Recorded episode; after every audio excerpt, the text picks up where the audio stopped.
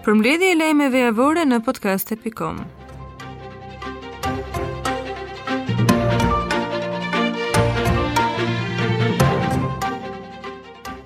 Federata Ruse po tenton me çdo kusht të shpëtojë nga dënimi në Shqipëri, Svetlana Timofeva Një prej rusëve të arrestuar në mesin e shtatorit nën dyshimin se kishin ardhur me një mision spiunazhi. Zorin dhe Alpatov pasi u futën në perimetrin e ish uzinës ushtarake në Çekin të Gramshit, hodhën spray me lëndë djegëse për sytë tek ushtarët që po ruanin objektin. Po në të njëjtën ditë, më 20 shtator të këtij viti, ata do të arrestoheshin dhe ndaj tyre prokurori Kreshnik Ajazi ngriti akuzat për veprën penale Goditje për shkak të detyrës, dhënie e informatave sekrete dhe sigurimi i informatave, kryer në bashkëpunim.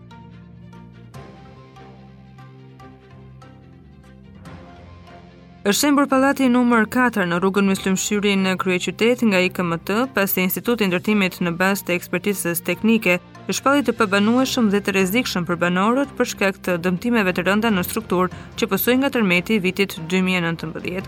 16 familje prej disa ditësh kanë qenë kundër këtij vendimi duke refuzuar që të lënë banesat. Nisur nga pretendimet e tyre, Bashkia e Tiranës ka dërguar një shkresë pranë Institutit të Ndërtimit për rivlerësim të oponencës teknike dhe ka qenë pikërisht ky institucion që ka konfirmuar ekspertizën e vitit 2020 si një godinë e pabanueshme. Edhe gjykata i ka dhënë të drejtë Bashkisë së Tiranës për prishjen e pallatit numër 4 tek rruga Myslym Keta, duke akuzuar kërkesën e Partisë Demokratike. Qeveria shqiptare finalizoi dhe nënshkroi kontratën me kompaninë turke Bayraktar në blerjen e 3 dronëve të armatosur për t'u përdorur për misione ushtarake, policore dhe civile në funksion të sigurisë kombëtare. Këta dronë do të mbërrijnë në vendin tonë vitin e ardhshëm dhe do të përdoren edhe në luftën kundër krimit dhe kultivimit të paligjshëm të hashashit, si dhe për nevojat e emergjencave civile.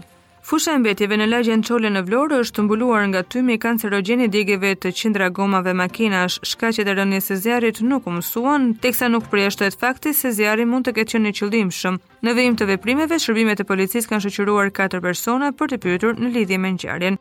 Ekspertët sugjerojnë që gomat të eksportohen për t'u asgjësuar jashtë dhe në zonën e Jallisë në Nartë, gomave u vihet zjarri për të marrë telat që mbeten pas djegjes, por pas mbetet gjithashtu tymi toksik që çlirohet nga flakët. Kryeministri Edi Rama ka premtuar këtë javë se të gjithë studentët të cilët do të ndjekin degën e mësuesisë do të paguhen çdo muaj deri në përfundim të studimeve të tyre me një pagë minimale. Ai vlerësoi portalin Mësues për Shqipërinë, që sipas tij ka vënë drejtësi në emërimet e mësuesve, kreu i qeverisë shtoi se drejtimi i shkollave nuk është në nivelin e duhur. Deputeti demokrat Agron Shehaj ka hedhur akuza të forta gjatë fjalës së tij në foltoren e Kuvendit ndaj kryeministrit Edi Rama. Ai u shpreh se kreu i qeverisë fshihet pas një kompanie offshore në Holandë, e cila ka në pronësi inceneratorin e Tiranës. Nga ana tjetër, kryeministri Edi Rama kërkoi fakte dhe prova për akuzat që bëri Shehaj, ndërsa iu përgjigj se nëse do të ishin të vërteta, ai do të ishte para drejtësisë. Shërbimi i inteligjencës shqiptare nuk do të vijojë të drejtohet nga Helidon Bendo, detyrë që e mbante prej nëntorit të vitit 2019. Ishte kryeministri Edi Rama, i cili njoftoi se Helidon Bendo kishte dorëzuar dorëheqjen dhe në vazhdim Pas studimeve pasuniversitare në SHBA do të jetë këshilltar i tij për reformën e institucioneve të sigurisë. Një 59 vjeçar ka ndërruar jetë të premten pasi humbi kontrollin e motocikletës dhe është rrëzuar. Shtetasi me iniciale M.R. 59 vjeç banues në Suka Dajç, duke drejtuar motocikletën dyshohet se ka humbur kontrollin mbi drejtimin e motocikletës, ku si pasojë është rrëzuar dhe ka humbur jetën. Kuvendi votoi për ndarjen e disa qindra miliona eurove në sektorë të ndryshëm të ekonomisë, ish zëvendëskryeministri Erion Braçe kishte kërkuar me ngulm që 10 milionë euro të kalonin për bujqësinë, për fermerët dhe propozimet e tij nuk u mbështetën nga ministria dhe veçanërisht nga ministria e bujqësisë. Krifca e komentoi qëndrimin e Braçës si një prishje të imazhit të bujqësisë apo si populizëm, Pasi përfundoi gjithçka, Braçe u përgjigj, Kush vjen këtu pa lexuar, natyrisht ka moshë akoma që të fillojë të lexojë, tha Braçe. Pas ngadalësimit në tremujorin e dytë ekonomia ka përshpejtuar ritmet e rritjes në tremujorin e tretë të nxitur ndjeshëm edhe nga turizmi.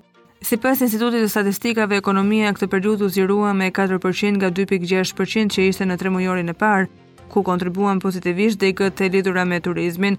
Grupi i aktiviteteve tregti, transport, shërbimet ushqimore dhe akomodim u rritën me gati 10% kundrejt të njëjtës periudhë së vitit të kaluar.